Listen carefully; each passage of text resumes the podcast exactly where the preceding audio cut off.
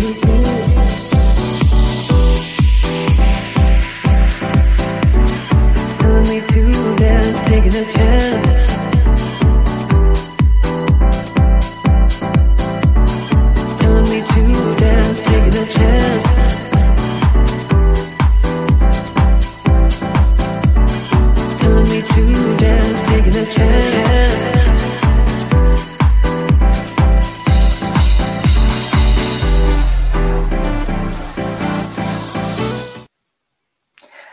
serdecznie, Agnieszka Okońska. Dzisiaj e, czwarty odcinek e, Kariera Marzeń Loża Ekspertów. E, moim dzisiejszym ekspertem w, temace, w tematyce bardzo ciekawej naszych talentów jest Agnieszka Barszcz. Agnieszka, witam Cię serdecznie.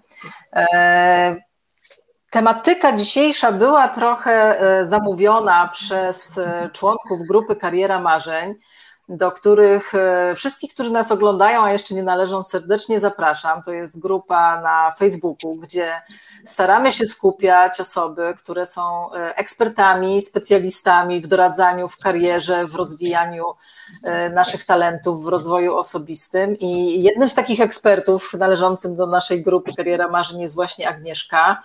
E, Agnieszka, bardzo proszę, przedstaw się, bo taki mam zwyczaj, że mm, ja nie zdradzam tych ciekawostek o moich gościach, tylko, tylko zapraszam do, do, do przedstawienia się, a wszystkich, którzy nas oglądają, dajcie znać po prostu, czy jesteście z nami. Agnieszka. Mhm. Ja dziękuję bardzo za zaproszenie. Jest mi ogromnie miło, że jestem gościem na zamówienie. To znaczy, że jest duża szansa, że temat, z którym przychodzę, zaciekawi. E, kim jestem? Ja mam taki zwyczaj mówić o sobie, że jestem e, kobietą, która często odczuwa szczęście, prywatnie mamą, żoną tego samego człowieka od 20 lat, a zawodowo przede wszystkim jestem osobą, która lubi wspierać innych i przez 18 lat swojego życia zawodowego wspierałam ich w charakterze nauczyciela, bo pracowałam w edukacji, byłam nauczycielem języka niemieckiego również trenerem tego języka w różnego typu szkołach językowych, a od kilku lat e, w wyniku pewnych zmian w moim życiu zawodowym zajmuję się coachingiem, jestem live edu coachem, a także certyfikowanym coachem talentów Galupa. No i to jest jakby główna rzecz, którą się na co dzień zajmuję, odpalaniem ludzkich talentów. Świetnie to powiedziałaś, ale muszę powiedzieć, że nie jesteś pierwszą osobą, którą znam, która łączy naukę języka z coachingiem. E, myślę, że jest jednak jakaś nić porozumienia pomiędzy tymi dwoma zawodami i to nie ma znaczenia jakiego języka. Więc e, gdzieś tam pewnie przy nauczaniu języków obcych te zdolności czy predyspozycje do bycia coachem e, pewnie się przydają i dlatego być może potem osoby, które zmieniają albo łączą te dwie profesje, to, to właśnie z tych dwóch obszarów się, się pojawiają. E, powiedziałaś, że e, specjalizujesz się e, jako coach właśnie w talentach Galupa. Powiedz, skąd pomysł na to, żeby się zajmować tymi talentami Galupa? Mm, jak to zazwyczaj bywa, po prostu życie przyniosło, tak? Czyli to mhm. jest taka historia pod tytułem Po niteczce do kłębka. Mm, ja swego czasu miałam spore wyzwanie, w, takie osobiste wyzwanie we wspieraniu jednego z moich dzieci, które mierzy się z ADHD i będąc na jakimś szkoleniu, usłyszałam bardzo mocne zdanie, które mnie wtedy odpaliło, że nie dbając o siebie, nie będąc w zasobach, nie stawiając siebie na pierwszym miejscu, nigdy nie będę dobrym wsparciem. E, więc wiadomo, to był taki pierwszy dzwonek, od którego zaczęła się moja fascynacja coachingiem jako takim. I na którymś ze szkoleń nie jestem teraz w 100% pewna, ale na tyle, na ile pamiętam, to prawdopodobnie na jednym ze szkoleń Kamili Równickiej usłyszałam tylko zdanie o, o tym, że istnieje takie narzędzie, że w ogóle są jakieś mhm. talenty galupa, a ponieważ jak się później okazało, jednym z moich talentów jest zbieranie, po prostu mam ucho do takich rzeczy i zaraz je szybko łapię, no to poszłam tym tropem. E, zrobiłam badanie, odkryłam swoje talenty, zaczęłam z nimi pracować, a to już była potem lawina. Okazało się, że zrozumiałam, dlaczego w miejscu, w którym jestem, nie do końca jest mi dobrze, co dokładnie mnie tam denerwuje, trochę Aha. kłuje.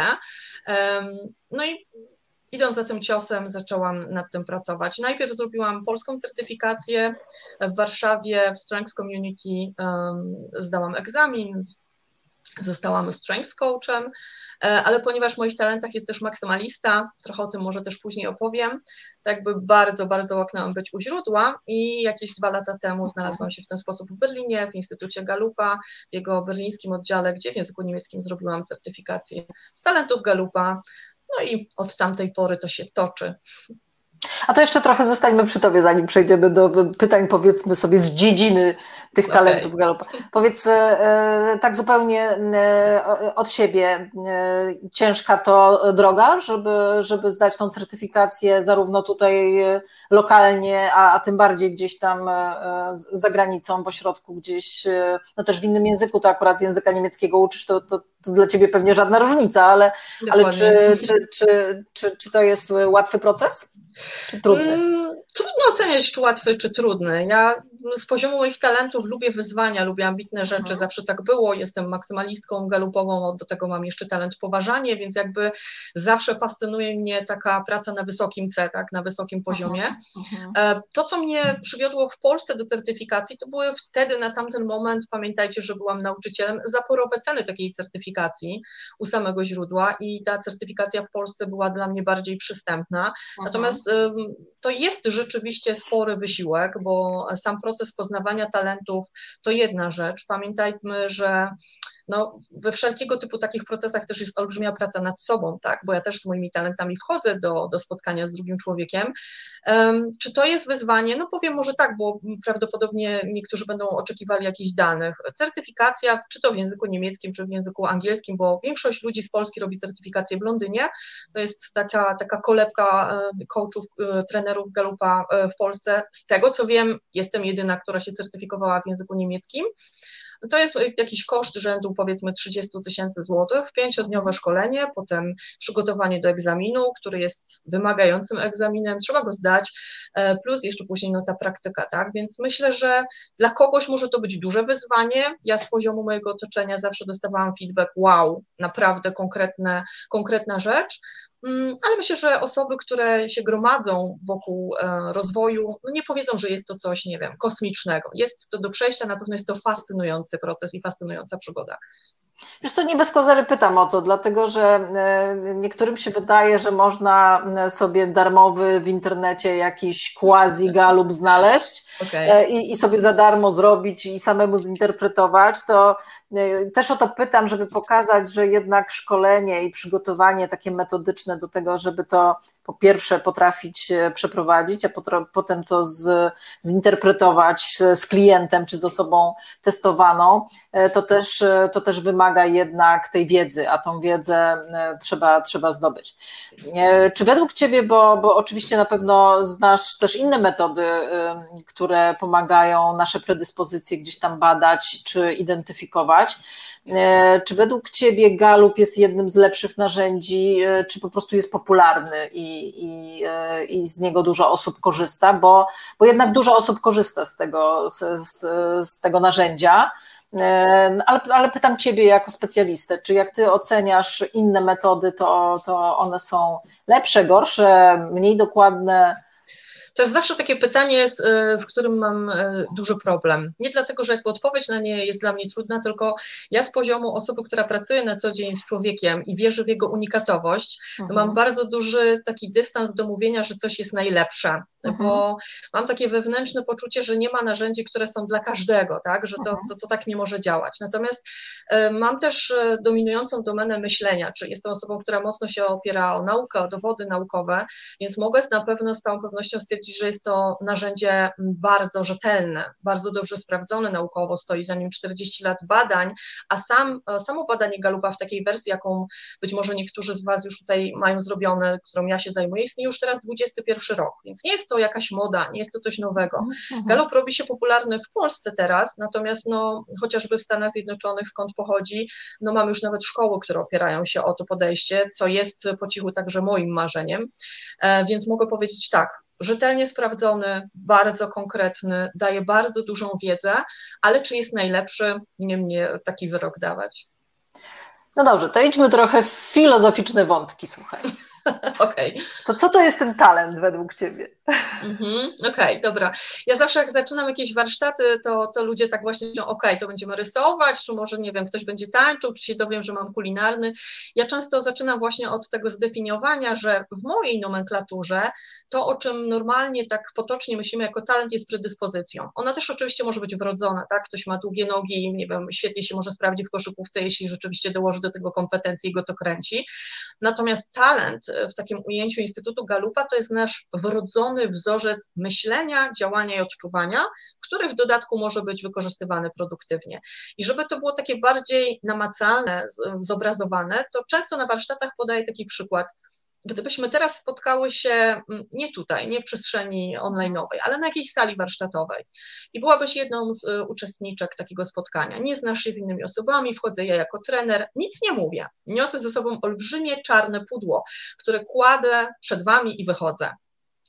To co by ci się odpaliło jako pierwsza myśl? Co by, co by się zadziało w twojej głowie? No bym pomyślała, że czarodziejką jesteś. Okej, okay to jest ciekawe. Natomiast gdybyśmy przetestowały pozostałe osoby, to będą bardzo różne odpowiedzi, prawda? I to mhm. jest właśnie ten nasz taki wrodzony filtr na przetwarzanie rzeczywistości. Będą pewnie tacy, którzy pomyślą, no kto pierwszy, ten lepszy. Na pewno jest to jakaś nagroda i tylko ten pierwszy mhm. odważnie ją mhm. zgarnie, tak? Więc rzuciliby się do otwierania. Inni odwrotnie, bo myśleliby, że to jest jakieś zagrożenie, być może nawet by się bardzo dyskomfortowo poczuli. Na pewno byłaby spora grupa ludzi, którzy by się gromadzili ze sobą i mieli potrzebę przedyskutowania, słuchajcie, co robimy, o co w ogóle chodzi, ukryta kamera, tak? I to jest talent, czyli ten wzorzec, który mamy według Instytutu Galupa wrodzony, który pokazuje, jak my myślimy, działamy, co nam się odpala w pierwszym momencie. I to w dodatku, jeśli to poznamy, jeśli się temu mocno przyjrzymy, możemy bardzo produktywnie wykorzystywać, bo ja zawsze mówię, że z tym talentem jest trochę tak, że każdy z nas ma unikatową mieszankę, więc każdy z nas musi stworzyć własną instrukcję obsługi nas samych, dla siebie przede wszystkim, ale potem również po to, żeby się podzielić z innymi, tak żeby się nam lepiej współpracowało, żyło, żebyśmy siebie lepiej rozumieli.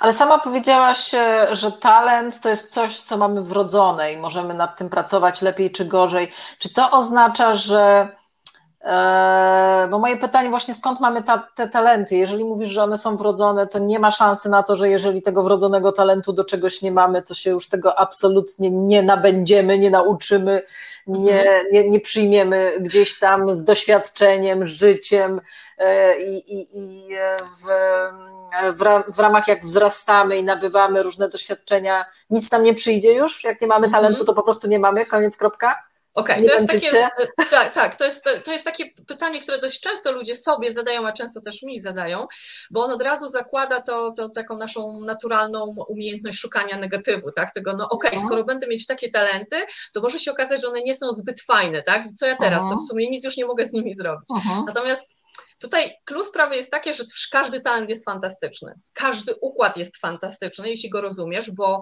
cały, cały jakby sprawa polega na tym, że każdy sukces możesz odnieść różnymi drogami, tak? Czyli ja zawsze podaję na warsztatach przykład, że gdyby tobie i mi, nie wiem, czy lubisz chodzić po górach, ja to tak średnio, ale gdyby tam się teraz zamarzyło wejść na Mont Everest, to jest y, prawdopodobne przy tej komercjalizacji, jaka teraz już jest, że to jest osiągalne dla nas, tak? Mhm. Tylko każda z nas z poziomu swoich talentów zrobi to trochę inaczej.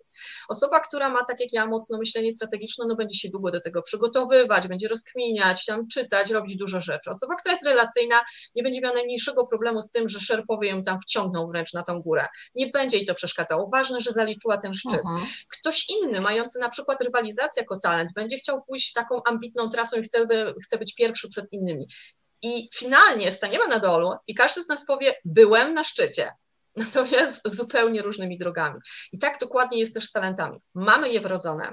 Instytut Galupa udowodnił również, że to nie jest tak, że one nam się nie zmieniają w trakcie życia. Możemy je wzmacniać lub osłabiać i tutaj bardzo istotny jest wpływ otoczenia w tak zwanym okresie formatywnym, który, jak doskonale większość z nas wie, no neuro, neuronauki rozwijają się cały czas bardzo dynamicznie. Jeszcze parę lat temu mówiliśmy o jakiejś granicy 18-20. Teraz już coraz częściej słyszymy, że to może być nawet 25 pierwszych lat życia.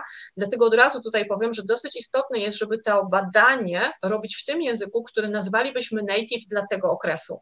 I to ma mhm. pewne znaczenie, tak, że jeżeli pracujemy w międzynarodowym środowisku i język angielski jest po prostu takim językiem, którym na co dzień się posługujemy, ale przez około pierwszych 25 lat życia byliśmy w otoczeniu, nie wiem, polskojęzycznym, tu mieszkaliśmy, tu pracowaliśmy, to tak naprawdę to badanie zalecane, rekomendowane jest, żeby je zrobić w języku polskim, bo to otoczenie pewne nasze talenty może wspierać, czyli może mówić, ok, to jest świetne, rób tak dalej, a pewne paradoksalnie może nam tak spychać trochę, co będzie stanowiło taką niedojrzałość. Natomiast mhm. nie mówimy tutaj o tasowaniu czegoś z dołu do góry. Takich cudów nie mamy, choć Instytut Galupa mówi, że jest możliwa tak drastyczna zmiana w naszym życiu, natomiast ona najczęściej wiąże się z takimi doświadczeniami, które my często nazywamy kamieniami milowymi w naszym życiu, albo na przykład przejściem przez jakąś długoletnią terapię, gdzie rzeczywiście ludzie naprawdę sami mówią, że mają wrażenie, że są trochę inną osobą, tak? Aha. Więc wtedy robiąc to badanie powtórzone, możemy mieć trochę zmienione wyniki. Generalnie no właśnie, bo, bo, bo właśnie chciałam spytać, mhm. bo właśnie chciałam spytać, czy one się zmieniają w czasie, więc e, jakby odpowiedziałaś od razu, że one są stałe, ale mogą być trochę inaczej jakby mhm. akcentowane, tak? Tak, tak no też nasze doświadczenia pewne talenty wspierają, bo jeżeli przyjmiemy, ja teraz mówię e, takimi nazwami, które no pewnie dla osób, które nie znają Galupa niewiele mówią, ale jeżeli powiem, że mamy taki talent, e, który nazywa się komunikatywność, mhm. dość łatwo go zrozumieć, bo to jest taka umiejętność przekuwania myśli w słowa, umiejętność e, komunikowania się z innymi, taka chęć do bycia w tym kontakcie, tak, bycie w wiecznej komunikacji, mm, to um, miałam kiedyś przypadek osoby, która miała dużo wyzwań zawodowych i jakby szukała odpowiedzi na to, dlaczego tak ma, ponieważ miała, no nie wiem czy mówić pecha, ale urodziła się w rodzinie dwojga introwertyków z talentem komunikatywność. Całe dzieciństwo wspominała jako słyszenie wiecznie, no nie gadaj tyle, idź do pokoju, idź poczytaj, wiesz, milczenie jest złotem, tak?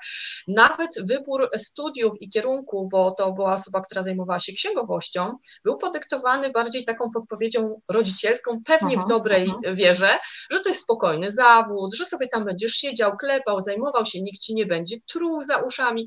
No i ta osoba w którymś momencie, pracując kilka lat w tym zawodzie, no, odczuwała bardzo duży dyskomfort, tak? Nie mogła się komunikować. I tak naprawdę po odkryciu tego talentu dopiero zrozumiała, jakie ma potrzeby, bo każdy talent jest po prostu potrzebą. Nie?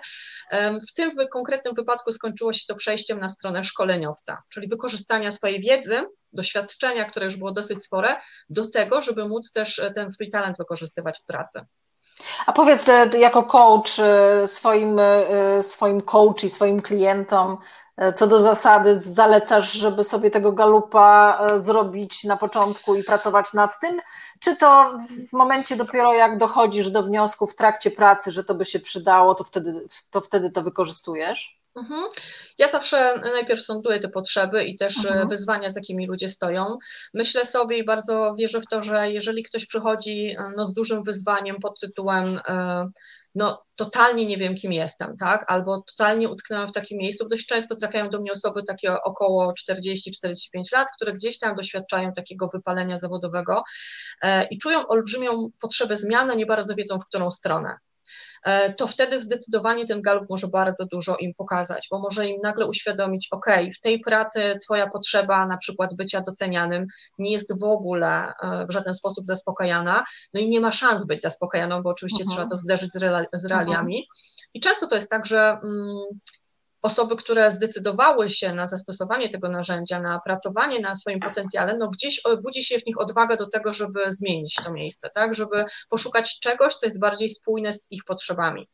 Natomiast jeżeli przychodzi do mnie ktoś, kto bardziej ma takie wyzwania, powiedziałabym, czysto emocjonalne, czyli nie radzi sobie z pewnymi rzeczami i potrzebuje tutaj najpierw takiego wsparcia, to ja najpierw y, jednak trochę się przyglądam, żeby nie wrzucić za dużo tematów naraz, bo um, uprzedzam, praca z galupem to jest konkretny kawałek pracy.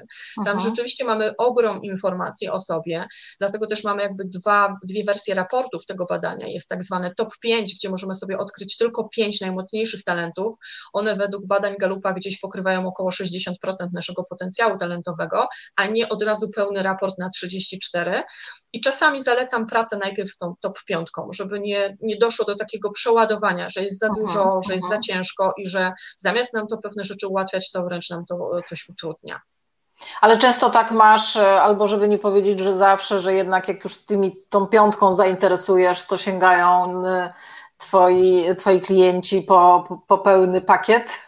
Bardzo często. Jak, jak człowiek zaczyna rozumieć, to mhm. często jest jeszcze tak, że to jest taki osobisty mój też case, tak? W mojej top nie ma talentu, który ja mam generalnie na siódemce, to jest talent poważanie, który jak patrzyłam tylko na moją top piątkę, to cały czas mi tam czegoś brakowało, jakiegoś puzla w tej mhm. układance mi brakowało, co to jest, że ja będąc w edukacji, no cały czas mam jakiś głód, cały czas nie czuję tam pełnego spełnienia, ja kochałam uczyć, nadal uwielbiam kontakt z ludźmi, natomiast no system edukacji, jaki jest w Polsce, no to jaka jest też droga mm, awansu i kariery w charakterze nauczyciela w szkole, ja już byłam nauczycielem dyplomowanym, więc w zasadzie niewiele mnie czekało przez najbliższych kilkadziesiąt lat pracy. Dopiero od, e, jakby rozjaśniło mi się, jak zobaczyłam to poważanie, które bardzo łaknie docenienia i też takiego działania, budowania czegoś swojego, mocno jest też nastawione na budowanie własnej marki, na reputację trudno to było osiągnąć w jednym miejscu w szkole, kiedy się już osiągnął jakiś tam pułap e, i nie było dalszej ścieżki rozwoju. I, i dopiero ten puzzle, jak wskoczył, to dopiero wtedy zrozumiałam, no, że to nie jest miejsce dla mnie. Więc czasami tak jest, że, że osoby, które popracują z piątką, po pierwsze dostają duży apetyt na to, żeby zobaczyć, co jest dalej, tym bardziej, że jeżeli mamy pełną wersję badania, możemy też popatrzeć na nasze doły, które też nam o czymś mówią. My w nie nie inwestujemy, natomiast one bardzo często odsłaniają nam taką prawdę, dlaczego z niektórymi ludźmi jest nam się trudniej komunikować, bo się okazuje, że właśnie te osoby te talenty mają wysoko, które my mamy całkiem na dole i to ich patrzenie na świat jest totalnie odmienne od naszego. Mhm. Dokładnie. Mhm. E, to powiedz, e, jak już zrobimy ten test, mhm. to jak dalej pracu, pracować z nim, tak? E, mhm. Jak, jak, jaki jest dalszy tok postępowania? No wyobraźmy sobie, że najpierw robimy tą piątkę i co dalej? Jak mhm. to się odbywa? Tak zupełnie jak lejkowi. Ja nie poddawałam się testowi, może się poddam, zachęcaj. dokładnie, dokładnie. Jakby przede wszystkim badanie jest bardzo wygodne. Ja zawsze się śmieję, że nie mam bladego pojęcia, dlaczego w Polsce nazywa się to testem, bo to nie jest test, nie ma tam ani mhm. jednego pytania. Tak? Mhm. Jakby samo badanie jest, to jest 177 par stwierdzeń, czyli mamy oś pięciostopniową i na dwóch końcach tej osi mamy dwa stwierdzenia, które niekoniecznie stoją do siebie w opozycji, od razu zaznaczam. To nie jest tak, że albo albo, tak? Mhm. I my w czasie 20 sekund, bo taką, taki mamy czas, y, musimy podjąć decyzję, czyli właściwie nie podejmujemy decyzji, tylko idziemy na tym automacie naszym wrodzonym wzorcu, co jest nam bliższe. I w zasadzie takie badanie, jeżeli nie zastanawiamy się zbyt długo, nie wykorzystujemy do maksu tego limitu 20 sekund, to trwa około 30-40 minut, po których otrzymujemy już raporty. Te raporty wygodnie mamy na platformie, bo na niej trzeba się zalogować, ale też e, dostajemy je na maila. I sam Instytut Galupa od jakiegoś czasu, bo dawniej tak nie było, przez pięć dni wysyła mailing do nas z informacjami w języku polskim, jak popracować, czemu się przyjrzeć, co w raporcie sobie zaznaczyć. Więc mamy już takie wsparcie od samego Instytutu. Drugą rzeczą jest to, że bierzemy sobie taki raport. Od razu powiem, że najbardziej spersonalizowany raport, czyli taki, który najlepiej nas, nas opisuje, jest dostępny w języku angielskim. Nie mhm. jest dostępny w języku polskim. Pozostałe, które są bardziej definicjami talentu, talentów niż opisem nas konkretnie są w języku polskim i stanowią taki punkt wyjścia. Więc jeżeli ja pracuję z osobą, która robi top piątkę i na początku nie decyduje się na konsultację, bo to jest oczywiście najbardziej taka droga esencjonalna, gdzie dowiemy się wszystkiego, ale jeżeli nie decyduje się, tylko chce popracować samodzielnie, to po pierwsze bierzemy sobie polski taki raport, w którym są definicje talentów, po to, żeby jakby zrozumieć te definicje. Ja to często, jak pracuję z młodzieżą, porównuję do składników na sałatkę. Ja muszę wiedzieć, czy ten pomidor jest taki, czy inny, czy jak go mhm. będę kroić, to będzie więcej tam soku, czy mniej, czyli dowiaduję się o samym talencie. Czytam, sprawdzam, co z tego jest ze mną to same. Natomiast skoro to jest definicja, to nie będzie tak, że 100% jest o mnie, bo nie zawsze może to w 100% do mnie pasować. Potem bierzemy raport, który jest już spersonalizowany, jest w języku angielskim. Dla większości z nas teraz nie stanowi to problemu, ale nawet gdyby, jeśli, to można sobie tutaj przecież dopomóc, można poprosić o tłumaczenie kogoś. Mhm. Dokładnie. Nie jest to coś, co jest mega wyzwaniem. I to już jest raport, który opisuje naszą sałatkę, jak ja mówię, czyli mamy tych pięć składników, ale nasza sałatka jest w unikatowy sposób zrobiona. I już w tym raporcie widzimy, jak poszczególne talenty na siebie oddziaływują. To znaczy, jeżeli ja przypomnę talent komunikatywność, bo o nim już chwileczkę powiedziałam, więc myślę, że będzie łatwo to zobaczyć, to jest taka umiejętność e, wysławiania swoich myśli, formułowania ich, bycia w kontakcie. Jeżeli ten talent będzie mocno powiązany, czyli oprócz niego pozostałe składniki będą bardziej z tak zwanej grupy myślenia strategicznego. Na razie wiem, że może to komuś nic nie mówić, ale chodzi o to, że te osoby są bardziej w głowie, lubią Aha. dużo myśleć, mają mocny proces umysłowy, to może się okazać, że ta osoba nie jest gadułą, czyli nie jest takim typowym osobą, którą widzimy od razu widząc hasło komunikatywność, ale natomiast pięknie pisze, lubi prowadzić bloga, ma mnóstwo postów, lubi się komunikować bardziej w przemyślany, troszeczkę rozciągnięty sposób. Natomiast jeśli ta osoba będzie miała z kolei bardzo dużo żółtych talentów, to jest wysoce prawdopodobne, że będzie typową gadułą, że ciężko ją będzie zastopować, że będzie może miała milion dygresji i tak dalej. Więc jakby to, w czym to jest osadzone, się z sobą mm, kombinuje. I biorąc ten raport e, angielski, podkreślamy sobie zdania, które uważamy, że w 100% nas świetnie opisują, i od razu szukamy przekładki na nasze życie. Ponieważ Galup no, zna nasze talenty, ale nie zna naszego backgroundu, nie zna tego, czym się teraz mierzymy. Musimy sobie znaleźć przełożenie na naszą rzeczywistość, czyli autentyczne przykłady. Jeżeli ja mam w raporcie napisane, że potrafię się wszystkim zafascynować, no to moja ostatnia fascynacja to było właśnie to i to i wszyscy się dziwią, że ja się potrafię takimi rzeczami zaciekawić. Szukamy punktów e, stycznych z naszą rzeczywistością. Żeby zebrać feedback, bo bardzo często też w wypadku talentów jest tak, że działa efekt okularów, które nosisz całe życie. Nie? Ty już nawet jak przechodzisz gdzieś, to się w specyficzny sposób poruszasz, uchylasz, żeby gdzieś ich nie zawadzisz, ale w ogóle tego nie robisz świadomie. Więc my bardzo często działamy w jakiś sposób i w ogóle tego nie rejestrujemy. Potrzebujemy trochę lustra, czyli zbieramy feedback od osób, pięciu, czterech, trzech, bliskich, zaufanych, do których mamy odwagę wystąpić z taką prośbą. Dzielimy się świeżo wydrukowanym raportem bez naszych zaznaczeń i prosimy, żeby zaznaczyły nam które zdania są rzeczywiście mhm. świetnie opisujące nas.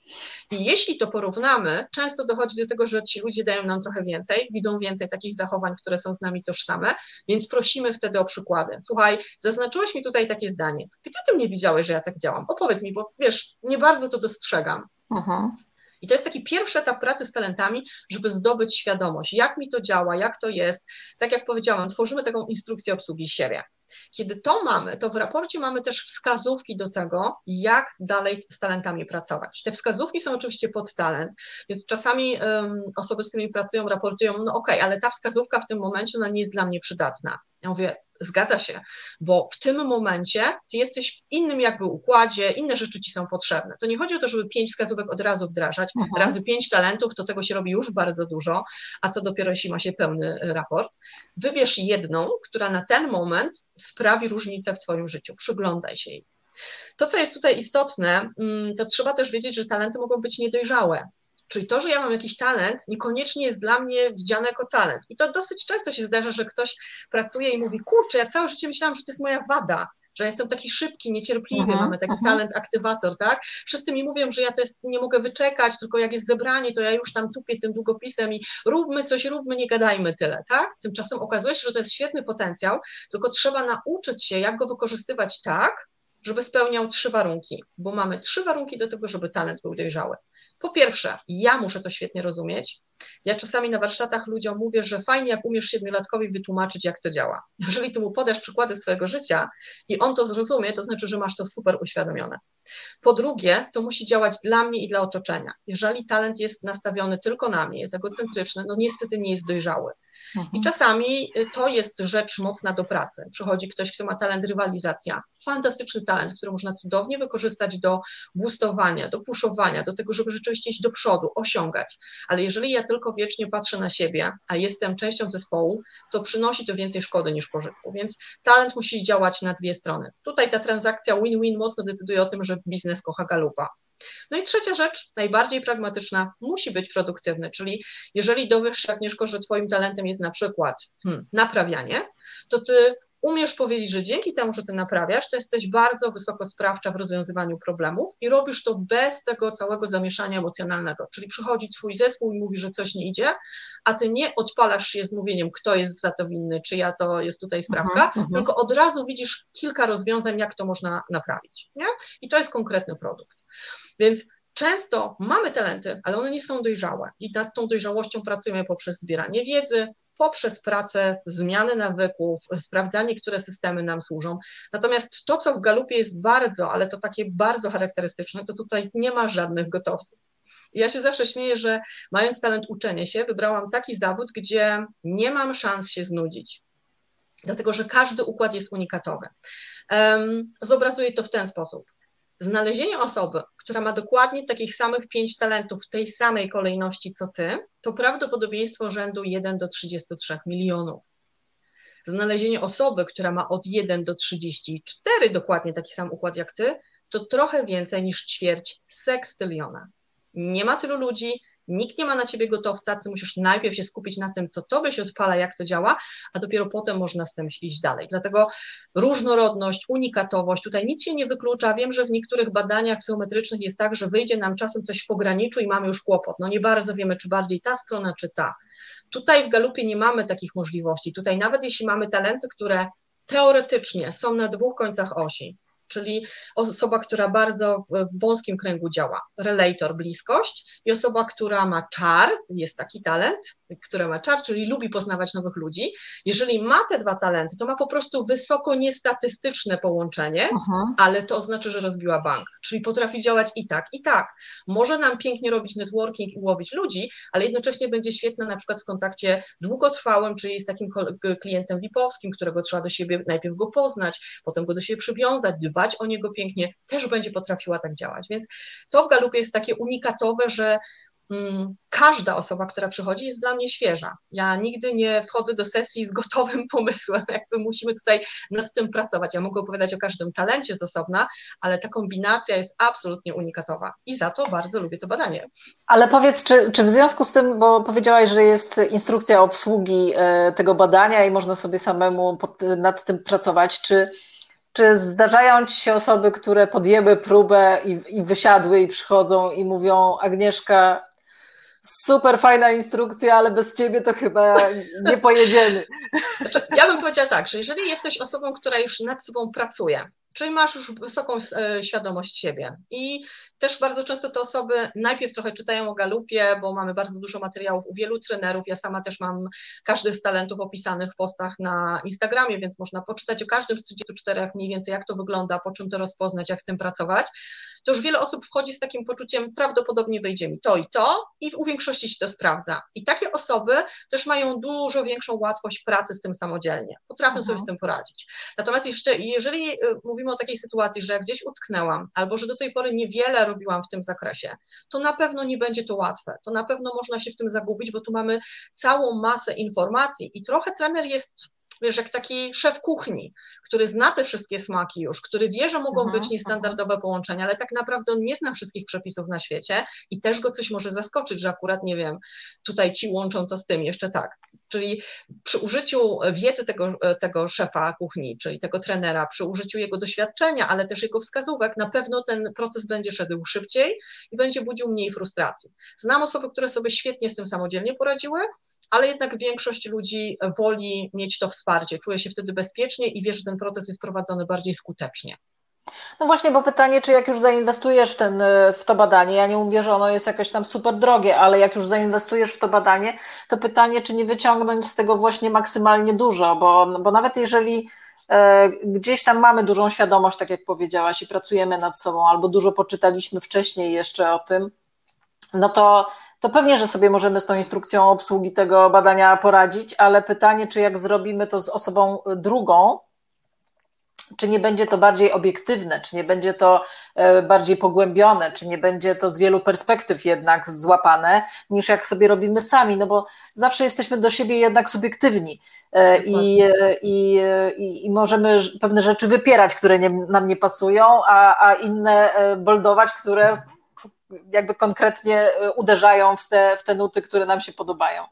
E, więc, więc wydaje mi się jednak, e, no przynajmniej gdybym ja miała radzić, to jednak skorzystać z takiego profesjonalnego wsparcia przy, przy pracy nad, nad tym wynikiem. No dobrze, ale mamy tą piątkę i potem idziemy głębiej, tak? I, mhm. I, I, w ogóle powiedz, jakie, jakie te talenty takie najczęściej spotykane są u nas, Polaków, mhm. kobiet, mhm. Twoich klientów, e, bo pewnie okay, jakieś są, które się częściej po, powtarzają. Tak, Mimo, że jest taka, taka różnorodność tych zestawów. Tak. Tak, to oczywiście będziemy mówić o pewnych statystykach, nie? które mhm, biorą się z mhm. ilości osób, Jasne. które zrobiły to badanie.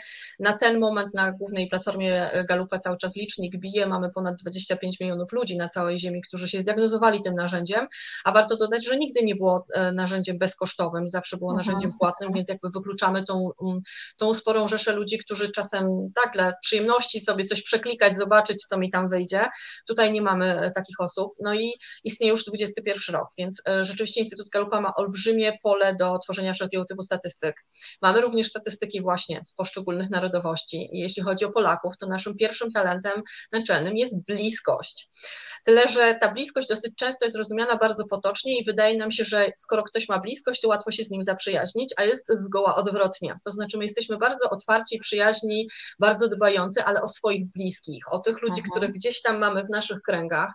Mm, od razu powiem, że jeśli byśmy mieli mówić o takiej negatywnej, ciemnej stronie tego talentu, takiej niedojrzałości przede wszystkim, no to jest nepotyzm, czyli obsadzanie swoimi bez patrzenia na to, czy oni mają do tego kompetencje. No i często jest to niedojrzałość tego talentu. Uh-huh, uh-huh. Oprócz tego Polacy mają talent odpowiedzialność, hmm, a także talent osiągania. Ja je prywatnie w swoim rankingu, to nie jest żadna nomenklatura galupowa, nazywam lokomotywami do pracoholizmu i my jesteśmy mocno zanurzeni w takiej kulturze pracowania, pracowania, osiągania, robienia cały czas. Często też przypisujemy sobie obowiązki za innych. Trochę to wynika z tej też naszej relacyjności, że chcemy, więc odpowiedzialność jest taki wewnętrzny przymus, że jeżeli obiecujemy, jeżeli się deklarujemy, to to dowozimy. E, myślę, że to też jest trochę spójne z naszym obrazem i często jak rozmawiam z osobami z zagranicy, które mają do czynienia z Polakami, to mówią, że naprawdę my jesteśmy pracownikami godnymi zaufania, że się znamy na wielu rzeczach, że wiele dowozimy. E, no a znamy się dlatego, że mamy również talent uczenia się i my lubimy się uczyć. To nie chodzi mhm. o zdobywanie certyfikatów, to raczej chodzi o takie zaciekawienie wieloma rzeczami, że mamy taką naturalną umiejętność patrzenia z ciekawością na świat, wiele rzeczy, zresztą każdy, kto jakby obserwuje też naszych naukowców, czy jakieś startupy w Polsce, no to na pewno widzi tą dużą kreatywność, tą dużą pomysłowość. No, mamy się czym chwalić, mamy się czym chwalić. No i do tego mamy indywidualizację, która jest takim talentem, gdzie rzeczywiście patrzymy na człowieka jako na jednostkę. Jesteśmy świetni w personalizowaniu e, usług, e, w dociekaniu potrzeb i w spełnianiu tych potrzeb. Myślę, że taki przynajmniej mój obraz po tych kilku latach pracy z Polakami i nie tylko, jest mocno spójny z tą top piątką naszą. Aha. Natomiast jeśli na przykład mówimy o statystykach dla kobiet, są to statystyki dla całej populacji kobiet, która e, poddała się temu badaniu, to one się niewiele różnią od, e, od tych talentów, które Polacy mają w top 5. Jedyna różnica jest taka, że kobiety nie mają wysoko talentu indywidualizacja jako grupa, natomiast mają bardzo wysoko talent empatia. E, I to widać. Nie? To myślę, że kobiety naturalnie mają to przypisywane. My jesteśmy takimi trochę przewodniczkami w tym świecie emocji i uczuć. Wiadomo, lata doświadczeń i tego zajmowania się ogniskiem domowym, odczytywania potrzeb chociażby dzieci, mocno nam tutaj to sterowały i, i, i, wspierały, ale to jest jeden z naczelnych talentów kobiet. Oprócz tego odpowiedzialność, osiąganie, czyli podobnie jak u Polaków, też uczenie się. No i jesteśmy taki, taki multitasking, to ja zawsze się śmieję, że te panie, które nazywają się mamagerem, czyli taki domowy menedżer, to rzeczywiście udowadniają potem w biznesie, że naprawdę są wysokosprawcze i te umiejętności da się przenieść z tego pola na to. ale to mnie trochę, zas- ale, ale trochę mhm. mnie zaskoczyłaś, powiem szczerze, bo, bo tak? akurat nie, nie empatią, bo empatia to jest oczywista. Natomiast y, y, wydawałoby mi się, że jednak kobiety mają gdzie indziej te talenty poukładane niż mężczyźni, mhm. Y, bo, bo, inne badania mówiące o awansowaniu kobiet, o zajmowaniu stanowisk kierowniczych mówią właśnie, że ta różnica pomiędzy tymi parytetami jakby wynika z różnych talentów, że że, że, że kobiety mają do czegoś innego predyspozycję i mężczyźni mają do czegoś innego predyspozycję i to, że niby stąd wynika, a tu trochę jakby e, burzysz, e, burzysz e, ten mit i, i fajnie, bo, no właśnie bo, bo ja się nie do końca z tym, bo ja się nie do końca jakby z tym też postrzeganiem tych innych badań zgadzam. Myślę, że u nas jednak nie u nas, na całym świecie pewnie. Jednak z mhm. czegoś innego to wynika, że, że, że tych kobiet jest mniej na, na, na tych stanowiskach wyższych, top menedżerskich. A powiedz, jest jakiś taki standardowy zestaw top talentów sukcesu? Nie. Nie, chociaż e, spotykam się bardzo często z założeniami, że takowy jest. I mhm. przez tych kilka lat mojej pracy zdarzyła mi się raz wprawdzie, ale zdarzyła mi się taka sytuacja, że osoba, która um, była na takim powiedzmy wyższym stanowisku, zrobiła badanie, ale nie podeszła do omówienia, ponieważ całkowicie zanegowała talenty. Oczekiwała, że zestaw sukcesu na tym stanowisku to przede wszystkim e, żółte talenty, czyli influencing, czyli taka mocna charyzma, mocna komunikatywność, być może jakaś tam rywalizacja albo poważanie. Tymczasem te talenty wyszły nam raczej w dole stawki i ta osoba po prostu zanegowała to. E, mhm. Nie chciała zobaczyć, że jest wysoce prawdopodobne, że jeśli oczywiście podeszła um, rozsądnie i prawidłowo do badania, czyli powiedzmy, no, nie była w jakimś stanie wzburzenia, odurzenia i po prostu zrobiła badanie solidnie, no to jest wysoce prawdopodobne, że dotarła w to miejsce wykorzystując inne zupełnie talenty natomiast miała głębokie, mocne przekonanie, z którym się nie dało pracować. Aha. E, nie ma zestawu do, do sukcesu. Tak naprawdę mamy różne drogi do tego sukcesu. Aha. Ja czasami mówię, że um, no chociażby jeśli mówimy o roli lidera, tak, to bardzo często takim naszym skojarzeniem jest taka osoba, która jest właśnie przebojowa, jest silna, potrafi swoje zdanie zaznaczyć i to jest bardziej taki, w, w talentach Galupa będzie to bardziej e, ten influencing, Aha. natomiast tak naprawdę można być doskonałym liderem, mając bardzo mocne relacyjne talenty, talenty i zawiadować tymi ludźmi, jakby ciągnąć ich za sobą, rozwijać ich poprzez relacje, jakie się z nimi buduje, a nie poprzez taki autorytet, który gdzieś tam naturalnie czy charyzma nam wychodzi. E, tutaj nie zestaw talentowy jest ważny, tylko ich dojrzałość, to, że ja je mhm. dobrze znam, wiem, jakimi narzędziami pracuję. Ja czasami mówię, no dołek można wykopać łyżeczką, koparką albo łopatą, tak? Tylko ja muszę mieć świadomość, ile mi to zajmie czasu i czy może, jeśli mam łyżeczkę, to nie lepiej jest pracować z 15 kolegami, którzy też mają łyżeczki. I wtedy zrobimy to w dobrym czasie, nie? Więc bardziej świadomość, dojrzałość i praca, akceptacja, że mam tak, a nie inaczej, mm, niż konkretne talenty. No właśnie, praca. E, powiedzmy, że jesteśmy już po, po badaniu, po, e, po przepracowaniu tego badania, wyników badania raportu z, z, ze wsparciem, na przykład z, z Tobą. E, I co dalej? Jak wynieść coś z tego na przyszłość? Jak pracować nad tym tak permanentnie, to znaczy wykorzystywać tą wiedzę na dłużej i, i budować na tym cokolwiek w przyszłości? Mhm. Ja powiem tak, użyję może takiego obrazka, takiej metafory, którą często używam na warsztatach. Nie wiem, czy ona do każdego trafi, ale mam wrażenie, że może być łatwiej to wtedy zobaczyć. E, talenty, każdy z talentów nie jest czymś, co da się on-off, nie? Tutaj nie mamy takiego włączniczka, wyłączniczka, mhm. nie ma takiej opcji. Natomiast ja lubię je obrazować jako termostat przy grzejniku, tak? Kręcisz tym pokrętełkiem, uczysz się. Jak całkiem na dół, to jest za zimno, nikt nie korzysta. Jak do góry na maksa, jest wysoka prawdopodobieństwo, że, że no wszyscy, wszyscy się zgrzejemy, nie będzie dobrze, a cała ta nauka, ta inwestycja polega na tym, żeby dobrze potrafić zoptymalizować tą temperaturę. I teraz nasze życie, czy to zawodowe, czy prywatne, bo talenty działają nam wszędzie, zobrazowałabym jako pokój, w którym siedzisz ty, jako pan konserwator, a w zasadzie głównodowodzącym, który ma na ścianie między 8 a 15, bo mniej więcej tyle mamy talentów dominujących grzejniczków różnych epok z różnymi pokrętłami.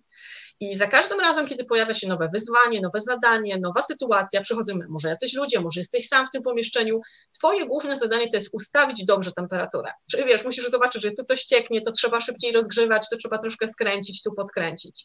I to jest metafora, która dość, myślę, dobrze opisuje to, co my dalej robimy. My musimy mieć wiecznie uważność, czyli ja mówię, że praca z talentami to nie jest tak, jak w wielu badaniach zrobiliśmy coś, mamy raport, Aha. wyciągnęliśmy sobie wnioski, przez jakiś czas je wdrażaliśmy, a potem to już po prostu jest ok, tak? Ustawiliśmy co należy i ten zestaw działa. Nie. Tutaj mamy cały czas, nieustannie, taki never ending story, że za każdym razem, kiedy mam nowe wyzwanie, kiedy mam nowe zadanie, nowy układ sił, nie wiem, nowego partnera nawet w zespole, ja muszę zrobić przegląd tych moich grzejniczków i poustawiać po nowemu, tak? Czyli zastanowić się, który talent może by tu być przeszkodą, a wiedzę o tym, jak on może przeszkadzać, bo każdy z talentów ma taką naturalną, ciemną stronę, której się nie da zniwelować do zera, ją się da ewentualnie zrozumieć, zaakceptować i tak działać, żeby jak najrzadziej się wystawiać na jej dyskomforty, to jak to poustawiać? Czyli jeżeli w tej chwili mm, zaczynasz pracę nad swoimi talentami, to przez pewien czas ja zalecam mocną uważność w, postaci takiego ćwiczenia, które ja nazywam dla siebie dziennikiem talentów. Fajnie, jak robi się to codziennie, ale jak się nie da codziennie, to co drugi, co trzeci dzień, robisz sobie na koniec dnia taką refleksję, co dzisiaj było sukcesem dnia. Dla wielu ludzi to już jest wyzwaniem, bo oni oczekują czegoś spektakularnego, a czasami sukcesem dnia jest to, że dowiozłem jakieś zadanie, z którym się długo tam e, kręciłem w kółko i nie mogłem, odbyłem jakąś trudną rozmowę, której unikałem. I patrzysz bardzo uważnie, które talenty w jakim zakresie tam zadziałały. Czyli robisz taką refleksję. To samo robisz z porażką i w ten sposób każdego dnia robisz taki checking. Widzisz wtedy, że są jakieś obszary, które no, cały czas wymagają Twojej uważności, które nie działają. Ja często mówię, że osoby, które zmieniają zespoły, jak patrzą na swoje talenty i, i to był ich wybór, tak, nie zostały przeniesione, tylko one mhm. same łakną czegoś nowego, to nagle przypominają sobie, aha, ja mam talent learner, czyli uczenie się. Ten talent naturalnie ma wdrukowane to, że jak on już w jakimś miejscu jest na tyle długo, że zaczyna się stawać ekspertem, że w zasadzie nie ma tam dla niego nic świeżego nowego, to on paradoksalnie zaczyna się nudzić. I on zaczyna szukać nowego miejsca. I mimo, że jesteś odbierana jako wysokosprawcza, fantastycznie działasz, tobie czegoś brakuje. I nagle się okazuje, że trzeba zrobić kolejną zmianę, trzeba iść w nowe, świeże miejsce, czasami nawet zrobić kroczek w tył, czyli zejść e, poziom niżej, Aha. po to, żeby znowu móc się wspinać na górkę, bo to tą osobę najbardziej kręci, to nabywanie, to bycie w procesie, nie? Więc to nie jest coś, co się kończy. Tak naprawdę ja, kiedy pracuję ze swoimi coachi, zawsze im uświadamiam, że My nie mamy ekstra czasu na to. Czyli każdy z nas ma ten kubełek 24 godziny. No i teraz wyobraź sobie, że dostajesz taki ogrom wiedzy o sobie. No i gdzie to teraz wcisnąć do Twojego kalendarza na co dzień, który i tak już pęka pewnie w szwach. Więc ja mam takie osobiste moje życiowe motto, że mikrokorekty robią makrozmiany.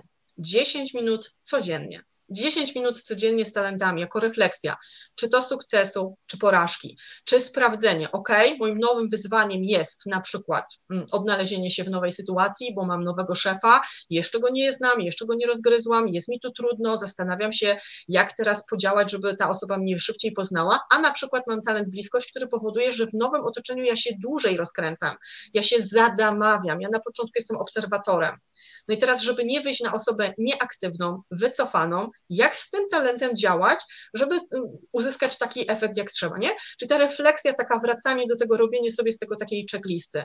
Jeżeli to robimy cały czas, czyli wejdzie nam to w końcu w krew i w nawyk, to naprawdę mamy olbrzymią szansę, żeby dokonywać rzeczy, które nam się tylko zamarzą. Co oczywiście nie oznacza, że wszystko. Ale powiedz, bo oczywiście jeżeli pracujesz z, jakim, z, z coachy, no to masz ich przez jakiś czas na pokładzie tak. i, i jesteś w stanie zaobserwować albo nawet zmotywować do tego, żeby, e, żeby nie zapomnieli o tym wyniku, o tych talentach, żeby nad nimi pracowali, ale kiedyś ten kontakt się urywa i teraz pytanie, czy są, nie wiem, jakieś badania statystyczne, albo ty wiesz po swoich znajomych, których dłużej znasz e, i wiesz, że, e, że ta wiedza z tego badania Galupa rzeczywiście z nimi została na całe życie i że o tym pamiętają, czy po mhm. prostu to było takie siłą uniesienia, wiesz, po tym badaniu, kurczę, góry przeniosę, tutaj nadrobię wszystko, co tylko możliwe, popracuję, a po jakimś czasie zapominają o tym i, i nawet zapominają o tym, że mają te talenty. Mhm. Są jakieś takie badania statystyczne, które mówią, że że jednak ta wiedza jest tak intensywna po tym badaniu, że ona już e, w głowie nam się wryje do, do, do, po prostu do końca? Nie wierzę w takie rzeczy, że coś nam się samo wryje w głowie jakby. Wiem, że to zawsze wymaga pracy i dlatego tak ważne jest to, co zrobimy w samym procesie, bo jeżeli to zostanie dobrze zrozumiane, e, jak my już mamy to obejrzane, to tak naprawdę naturalnym kolejnym krokiem jest włączenie tego do Twojej komunikacji, bo Ty i tak mhm. talentami na co dzień mówisz, ale kiedy masz już świadomość, że to, że teraz komunikujesz się w taki sposób i słychać w tym Twoje dowodzenie, czy w Twoją bliskość, czy masz większy fokus w tym mówieniu na dostrzeganie emocji i uczuć. Mhm. Jeżeli robisz to świadomie, tak jakby komunikujesz się zawsze i wszędzie. I ja bardzo często ludzi namawiam do tego, żeby komunikowali się potrzebami, a nie nazwami talentów, no bo nie każdy zna Galupa i mówienie komuś, ja mam talent maksymalista, no niewiele mu mówi. Mhm. Natomiast jak ja mu powiem potrzebę, która stoi za tym talentem, czyli powiem, że ja mam olbrzymi fokus na jakość i muszę jeszcze wytłumaczyć, zdefiniować, jak ja tą jakość rozumiem, bo ona zazwyczaj stoi trochę wyżej niż statystyczne jakieś zrozumienie jakości, to to po prostu jest wtedy żywe Czyli jeżeli przeniesiemy to do komunikacji i mówimy potrzebami wynikającymi z naszych talentów, to to z nami zostaje. I ten case, o którym mówiłaś, że ludzie w tej furii najpierw jest super fajnie, a potem to siada i jakby zapominają, to bardziej kojarzę z organizacjami, gdzie ten proces wygląda w ten sposób, że zazwyczaj mm, galupujemy swoich pracowników, oni otrzymują taką sesję feedbackową, zazwyczaj jest to jedna sesja, w czasie której bardziej dowiadują się, co z tym robić, jak z tym pracować, dostają listę mhm, wskazówek. Mhm. Potem po jakimś czasie, kiedy popracują samodzielnie, organizuje się warsztat dla zespołu, po to, żeby każdy wniósł ten swój koszyczek talentowy, powiedział: Mam tak, potrzebuję tego, motywuje mnie to, wnoszę do Was to. I teraz zobaczmy, jakie zadania mamy w zespole, żeby je też lepiej dopasować, znaleźć sobie dobrych partnerów do współpracy, zobaczyć, gdzie możemy mieć pewne wyzwania i to, co się zadziewa później, czyli to, żeby pamiętać o tej komunikacji potrzebami. Czyli e, firmy, w których ja na przykład prowadzałam Galupa, e, case życiowy, pani księgowa, która miała talent dyscyplina. Talent dyscyplina polega na tym, że człowiek lubi mieć po swojemu poukładane od do, nie lubi być zaskakiwany, lubi rzeczywiście mieć tam wszystko dopracowane jednocześnie miała dużo talentów relacyjnych, więc miała duże wyzwanie ze zwracaniem ludziom uwagi na to, że no nie zrobili czegoś dobrze, że za późno jej to przynieśli. Po całym warsztacie, po tej pracy nie było już z tym dużego wyzwania, bo ludzie wiedzieli, że jeśli powiedzmy pani Ewie nie doślą tego na czas, to ona będzie miała przede wszystkim wyzwanie nie z samą pracą, ale z tymi emocjami, które się jej pojawią. Natomiast to się wszystko zostało pokazane na stole w czasie warsztatu. I to zrozumienie tego, że moje działanie nie jest kontraproduktywne do twojego, tylko ja muszę wiedzieć, że ja potrzebuję tego, a ty tego, jesteśmy w stanie sobie to dać, bo myślę, że większość z nas wie, że na poziomie tych podstawowych potrzeb, potrzeb jesteśmy po prostu identyczni, więc zawsze znajdziemy jakiś punkt spójny, tak? Czy zawsze znajdziemy jakiś pomost pomiędzy moją potrzebą a twoją potrzebą. Natomiast warunkiem jest utrzymanie żywej komunikacji, która opiera się na potrzebach. Ja potrzebuję tak, ja mam tak, że w nowym miejscu. Ja zresztą do dzisiaj podaję jako przykład talent relator, czyli bliskość, który no ja mam w top 5 też, to jest moja piątka i ja jeśli idę jako uczestnik na szkolenie i to szkolenie trwa jeden dzień, to ja mam olbrzymi dyskomfort z przedstawianiem się. Dla mnie to do dzisiaj z poziomu tego talentu jest trochę za daleko. Dlaczego ja mam mówić o sobie, skoro jest wysoce prawdopodobne, że my się już więcej nie zobaczymy i w mhm. zasadzie przyszłam się tutaj czegoś nauczyć.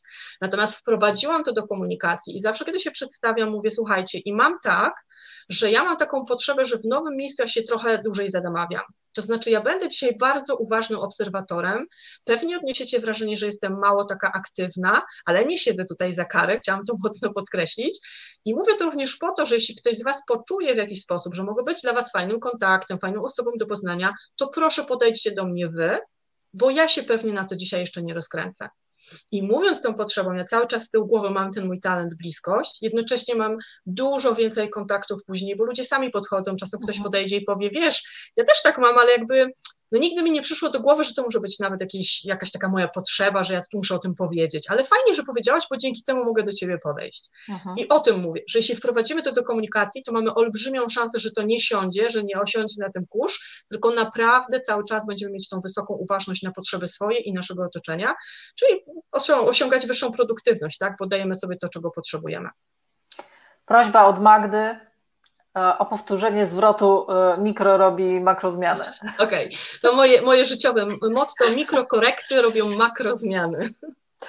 Powiedziałaś o e, komunikacji i e, różnych problemach, bądź też korzyściach z tego, jakie mamy talenty dla komunikowania się. A mhm. powiedz, czy talenty wpływają na nasze emocje? Mhm. Jeśli zobaczymy, że one są tym naszym wrodzonym wzorcem myślenia, odczuwania, no to zdecydowanie tak. Ja, jeżeli pracuję z emocjami, jeżeli pracujemy nad kompetencją, y, nad inteligencją emocjonalną, którą tak mhm. naprawdę całe życie możemy rozwijać, tak? Tutaj mamy bardzo dużo rzeczy, które kompetencyjnie możemy osiągnąć. Ja często mówię, że to są takie cztery kubełki, no i my w tym galupie też mamy cztery domeny talentów. Więc kiedy zaczynamy od kubełka samoświadomość, czyli ja wiem, jak to mam, to tutaj bardzo mocno talenty z zielonej domeny, czyli z domeny myślenia strategicznego, ułatwiają osobom, które mają te talenty, taki wgląd w siebie. Zadawanie sobie pytań, szukanie, bo to jest głowa, myślenie, tak, przyglądanie się, jak ja to mam, czy mi to rzeczywiście tak działa, a czemu to tak. Te osoby lubią taki proces, lubią tam być, więc są naturalnie predysponowane do tego, żeby w tym zakresie rozwijać się szybciej, łatwiej. Potem mamy kubełek, który nazywamy samozarządzanie, czyli wprowadzanie tego, co znaleźliśmy. I ja czasami mówię, że jeżeli ktoś ma bardzo dużo fioletowych, tak zwanych wykonawczych talentów, czyli mhm. taki executing, dyscyplina, pryncypialność, nie wiem, właśnie odpowiedzialność czy achiever, to mu jest łatwo tworzyć pewne rzeczy, łatwo jest to wprowadzać do życia, ale on czasami ma problem z dostrzeżeniem tego, więc idzie do terapeuty, do coacha, do psychologa, przegaduje, ma to lustro, które mu pozwala doszukać tego, w czym jest mu trudniej, ale już w wykonawstwie jest świetny, tak? Wdraża, jak dostaje instrukcję, to on mhm. to dowiezie, robi. Potem mamy taki kawałek, który ja nazywam takim szerszym spojrzeniem, czyli ta świadomość społeczna. To są te żółte talenty, które ja mówię, że łakną publiczności. On, to jest influencing, tak? Czyli czy to będzie poważanie, czy to będzie komunikatywność, czy to będzie rywalizacja. Tak naprawdę potrzebuje dużej grupy ludzi do tego, żeby czuć, że mogę do nich mówić i coś zmieniać, mogę budować markę, albo mogę się z nimi ścigać, tak? Więc taka umiejętność patrzenia, jak to działa w dużych grupach, jak to działa globalnie, jest wtedy dla mnie dużo, dużo łatwiejsza. I ostatnia, to mamy to, to zarządzanie relacjami, czyli bardziej jeden na jeden maleńkie grupy i tamte osoby, które mają relationship building jako dominującą domenę, czyli właśnie empatię, y, czyli bliskość, czyli współzależność, te talenty, które są niebieskim kolorem u Galupa oznaczone, one mają dużą łatwość właśnie w takim kontakcie. I czasami jest tak, że jak zrozumiemy, w którym tym kawałku tej inteligencji emocjonalnej jesteśmy bardziej predysponowani, trzeba zaznaczyć, że czasami jest tak, że skoro mamy tych talentów dominujących tam między 8 a 15, to możemy mieć całkiem sporą równowagę, bo może się zdarzyć, że mam 3, 3, 3 i 3, bo mam 12, więc w zasadzie w każdym pudełku mam jakieś predyspozycje, ale to też oznacza, że w każdym mam jakąś robotę do zrobienia, nie? że gdzieś e, coś się dzieje. I często jest tak, e, jak mówimy o emocjach, to jest taki case, którym też niedawno pracowałam w całym procesie coachingowym, osoby, które która dostawała dużo, powiedziałabym, takich feedbacków, które dla niej były wyzwaniem, że jest zbyt dominująca, że jest zbyt mocna. A z drugiej strony miała bardzo dużo talentów relacyjnych i bardzo ją to dotykało i bardzo to dla niej było istotne, co ludzie o niej myślą, no bo jednocześnie była osobą, która nie mając roli lidera, potrafiła w imieniu zespołu o coś zawalczyć, potrafiła się za nimi wstawić, potrafiła gdzieś tam dalej iść. Okazało się, że mm, ten człowiek miał talent dominujący komand, czyli dowodzenie statystycznie najrzadziej występujący w tej populacji 25 milionów ludzi, którzy się przebadali. To jest mocny talent, to jest taki talent generał, kiedy dzieje się coś złego, on się aktywuje, on ma w sobie bardzo dużo odwagi do działania, on przejmuje naturalnie kierownictwo, natomiast często w, w mówieniu, w takiej zwykłej, codziennej komunikacji ma bardzo ciężką kropkę na końcu. Czyli nawet jak zadaje pytania, to to są takie pytania, że siedzisz i nie bardzo masz ochotę na nie odpowiadać. I to był motyw, nad którym trzeba było popracować. Więc pracując czasem nad jednymi talentami, osiągamy to, co w emocjach bardzo uh-huh, mocne, nie? Uh-huh. czyli to, że rzeczywiście ta osoba teraz lepiej się sprawnie komunikuje, bo jesteśmy już dosyć e, spory kawałek po procesie, a jesteśmy też w kontakcie i dostaje dużo, dużo lepsze zwrotki, że rzeczywiście słychać zmianę, że jest dużo więcej zaciekawionych pytań, że jest więcej przestrzeni na to, żeby też dać temu drugiemu e, człowiekowi poczucie, że jego odpowiedź jest istotna, a nie, że jest tylko na zasadzie rzucam pytanie w tłum, ale niekoniecznie chcę słuchać, bo nie taka była intencja. Natomiast z powodu talentu tak się działo. Więc y, talenty, owszem, wpływają mocno na to, która ta część emocji dla nas jest łatwiejsza do ogarnięcia, tak? I, i w, której, w którym kubełku tego, tej, tej inteligencji emocjonalnej będzie nam się łatwiej rozwijać, no ale to oznacza, żeby była równowaga również pracy na tych pozostałych, w których nie mamy takich predyspozycji. A powiedz, bo powoli będziemy zbliżać się do końca, e, e, żeby, żeby też taką klamrą zamknąć, bo, bo też te wywiady mają służyć też planowaniu naszej kariery i kształtowaniu tej naszej kariery. E, czy, czy wyniki takiego badania mogą nas zdemotywować albo dać nam do myślenia, że przez 20 na przykład lat męczymy się w jakimś zawodzie albo w jakimś obszarze w firmie, która kompletnie nie jest po linii z naszymi talentami, a zupełnie gdzie indziej nasze talenty leżą. Czy to jest taki sygnał, żeby podejmować zmianę? Czy ludzie na podstawie e, pracy nad e, e, raportem z badania Galupa podejmują drastyczne zmiany w życiu zawodowym, czy raczej ta świadomość tylko im pozwala trochę inaczej tym zarządzić? Jak to tak z Twojej perspektywy coacha wygląda? Mhm. Ja myślę, że jeżeli ktoś już do mnie przychodzi i zadziewa się w efekcie naszego wspólnej, naszej wspólnej pracy taki moment, że rzeczywiście następuje drastyczna zmiana, mhm. to w moim odczuciu po tych kilku latach pracy i tych kilkuset osobach, które mam na koncie, to ta osoba już przychodziła z takim zamiarem. Ona tylko szukała potwierdzenia. Czyli mhm. już naprawdę była tak tam mocno tym zmęczona. Że sam Galup to nie był powód. Nie, to nie Galup był powodem. Galup mhm. był tylko takim glejtem na to, że dobrze myślisz, masz rację, pozwól sobie czuć, pozwól sobie czuć to, co czujesz, nie? Bo bardzo często jest mhm. tak, że otoczenie ci mówi, ok, ale o co ci chodzi, masz świetną pracę, masz takie predysponowane stanowisko, widać cię, no masz święty spokój, a tymczasem my wewnętrznie czujemy, że no, ale ja już nie mogę, już nie mogę oddychać, już mi tam jest źle. Więc mhm. y, uważam, że rzadko zdarza się tak, żeby to Galup aż tak y, robił zmianę. On tylko otwiera oczy, on tylko porządkuje pewne rzeczy, bo zobacz, on nam nie odkrywa Ameryki. Tak naprawdę, jeżeli ktoś w miarę chociaż siebie obserwuje, to zobaczy siebie w tym badaniu od razu i powie, no tak, no tak mam, tak robię od zawsze, tak?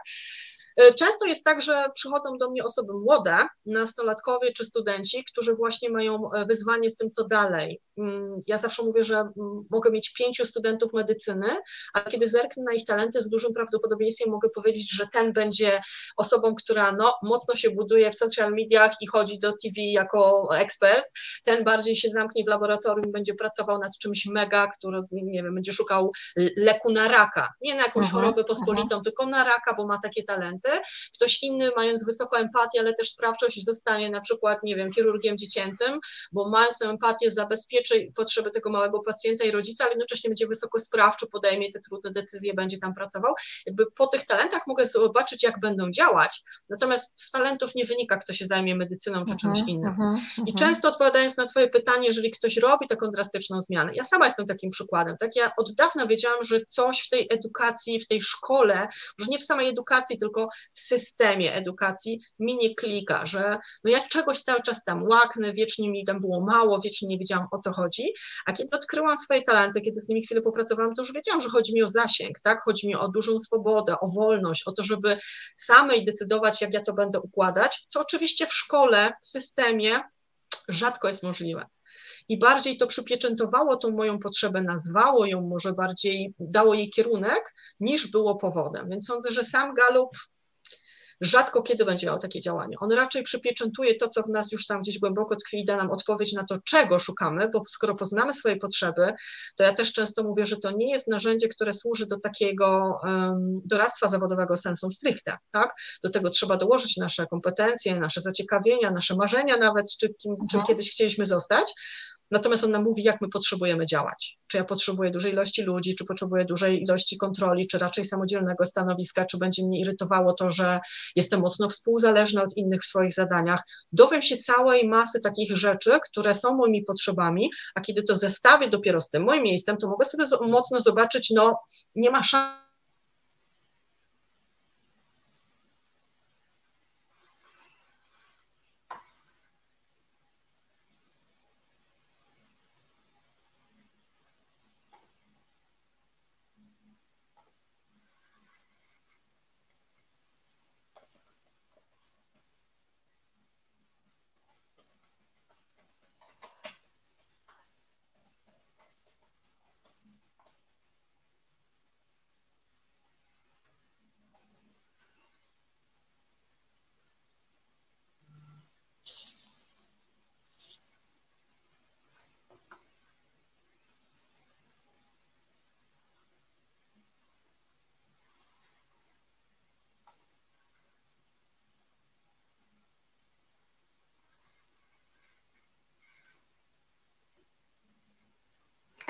Nie wiem, chyba e, Agnieszkę wyrzuciło nam z live. Jeśli ktoś jest z nami i nas jeszcze ogląda, to prośba dajcie znać, czy tylko u mnie e, nie słychać, czy, czy generalnie mamy problem. Mój komputer właśnie. Wróciłaś, wróciłaś. Nie, nieznanych mi przyczyn odmówił posłuszeństwa. Totalnie się wyłączył. Nie wiem, co się wydarzyło. Zaraz nic, nie, nic nie szkodzi. Słuchaj, i tak zmierzamy do końca. Ja tylko jeszcze na koniec jedno pytanie chciałam zadać. Hmm? Czy z brakiem talentu też można pracować? E, ja, jako osoba, która zajmuje się galupem, muszę e, powiedzieć, że nie ma takich przypadków, żeby nie mieć talentów. Każdy z nas ma aż 34 I absolutnie jest tu cała masa rzeczy do zrobienia. Mocno odczuwałam to w edukacji, kiedy rozmawiam z nastolatkami, którzy mają takie poczucie, że nie mają talentu. Takich, wiesz, tych predyspozycji mhm. takich na co dzień i często z nim się trudno określić. Bardzo mocno wpływa to na wzmocnienie poczucia wartości, kiedy młody człowiek dowiaduje się, że jest mocno relacyjny, że ma bardzo mocny proces umysłowy, że jest wizjonerem, bo mamy też wersję badania dla nastolatków 10 do 15 lat, więc zdecydowanie każdy ma talent. No i tym optymistycznym e, e, stwierdzeniem e, zakończymy dzisiejszy wywiad. Agnieszka, bardzo serdecznie Ci dziękuję. To było dla mnie co najmniej niezwykle interesujące. Mam nadzieję, że dla osób, które były z nami również. Kto nie mógł, to jak zawsze będzie miał okazję obejrzeć bądź odsłuchać w formie podcastu. Podamy w komentarzach linki do, do tej naszej rozmowy. E, myślę, że warto, warto. Kto nie korzystał, jeszcze ja nie korzystałam, myślę, że skorzystam, zbadam siebie, chociaż wydaje mi się, że wszystko o sobie wiem, ale chciałabym zobaczyć, czy na pewno. E, czy Galup też wie. Czy, czy Galup też to wie, co ja wiem. Więc, e, więc zachęcam wszystkich, którzy jeszcze tego nie robili. Agnieszka jest na naszej grupie, ostatnio nawet oferowała nam urodzinową zniżkę, więc słuchajcie, łapcie, może ona jeszcze jest ważna. E, Agnieszka, bardzo Ci serdecznie dziękuję. Dziękuję za ten wieczór poświęcony e, nam tutaj i za podzielenie się naprawdę olbrzymią wiedzą, którą posiadasz. Ja ślicznie dziękuję za tę możliwość. E, odpalanie talentów to moja pasja, więc serdecznie zapraszam do kontaktu. Nawet jeśli jeszcze nie jesteście zdecydowani na badanie, to chociażby do porozmawiania o tym i zobaczenia, jakie są opcje i jak bardzo wszyscy jesteście utalentowani. Ja też do tego zachęcam. Dziękuję wszystkim, którzy z nami byli i do usłyszenia, do zobaczenia za tydzień. Dzięki Agnieszka. Dzięki.